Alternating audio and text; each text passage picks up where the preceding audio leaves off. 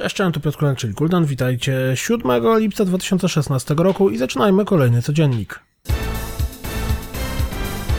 Tęsknicie za jakimiś arcade'owymi wyścigami z góry? Być może Mantis Burn Racing będzie grą dla Was. Sprawdźcie zwiastun, żeby się przekonać. Tytuł jeszcze w tym roku ma pojawić się na PlayStation 4, Xbox One, PC. Na tym ostatnim jest już dostępny w ramach Steamowego Early Accessu. Jak pokazuje nowy zwiastun Shadow of the Beast, jeśli recenzje nie są raczej przychylne, to należy zacytować zachwyconych fanów.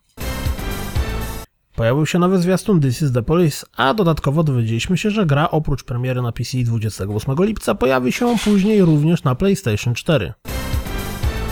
Zwiastunem zapowiedziano The First 3. Klimat wygląda dość urzekająco. Gra ma pojawić się na PC w przyszłym roku, a jej przejście ma wystarczyć na jakąś godzinę lub dwie.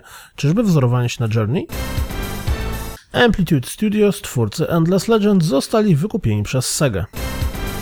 Ten Seconds Ninja X zadebiutuje na PC, PlayStation 4 i Xbox One 19 lipca. Co więcej, każda zdobyta przez graczy gwiazdka w darmowym module gry, demo dostępne na stronie gry i Steamie, obniży premierową cenę gry. 13 lipca Aqua Motor Racing Utopia trafi do Steamowego Early Accessu. Na Kickstarterze ruszyła zbiórka na Pray for the Gods, który na pierwszym zastanowieniu wygląda na mocno inspirowaną Shadow of the Colossus. Zbiórka powiedzie się po przekroczeniu 300 tysięcy dolarów. Deep Silver ogłosili, że zajmą się wydawaniem gier Atlusa i Segi w Europie. Pierwszymi z nich będzie Persona 5, Shin Megami Tensei 4 Apocalypse i Seven Dragon Tree Code VFD.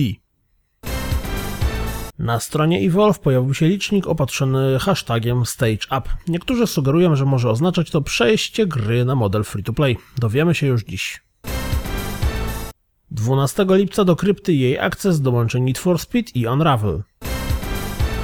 Jeśli zastanawialiście się, ile jeszcze DLC pojawi się do Fallouta 4, to Pete Hines na Twitterze poinformował, że Nuka World będzie ostatnim. To wszystko na dziś, jak zawsze dziękuję za słuchanie, jak zawsze zapraszam na www.rozgrywkapodcast.pl Jeśli doceniacie moją pracę, wesprzyjcie mnie na Patronite i mam nadzieję słyszymy się jutro. Cześć!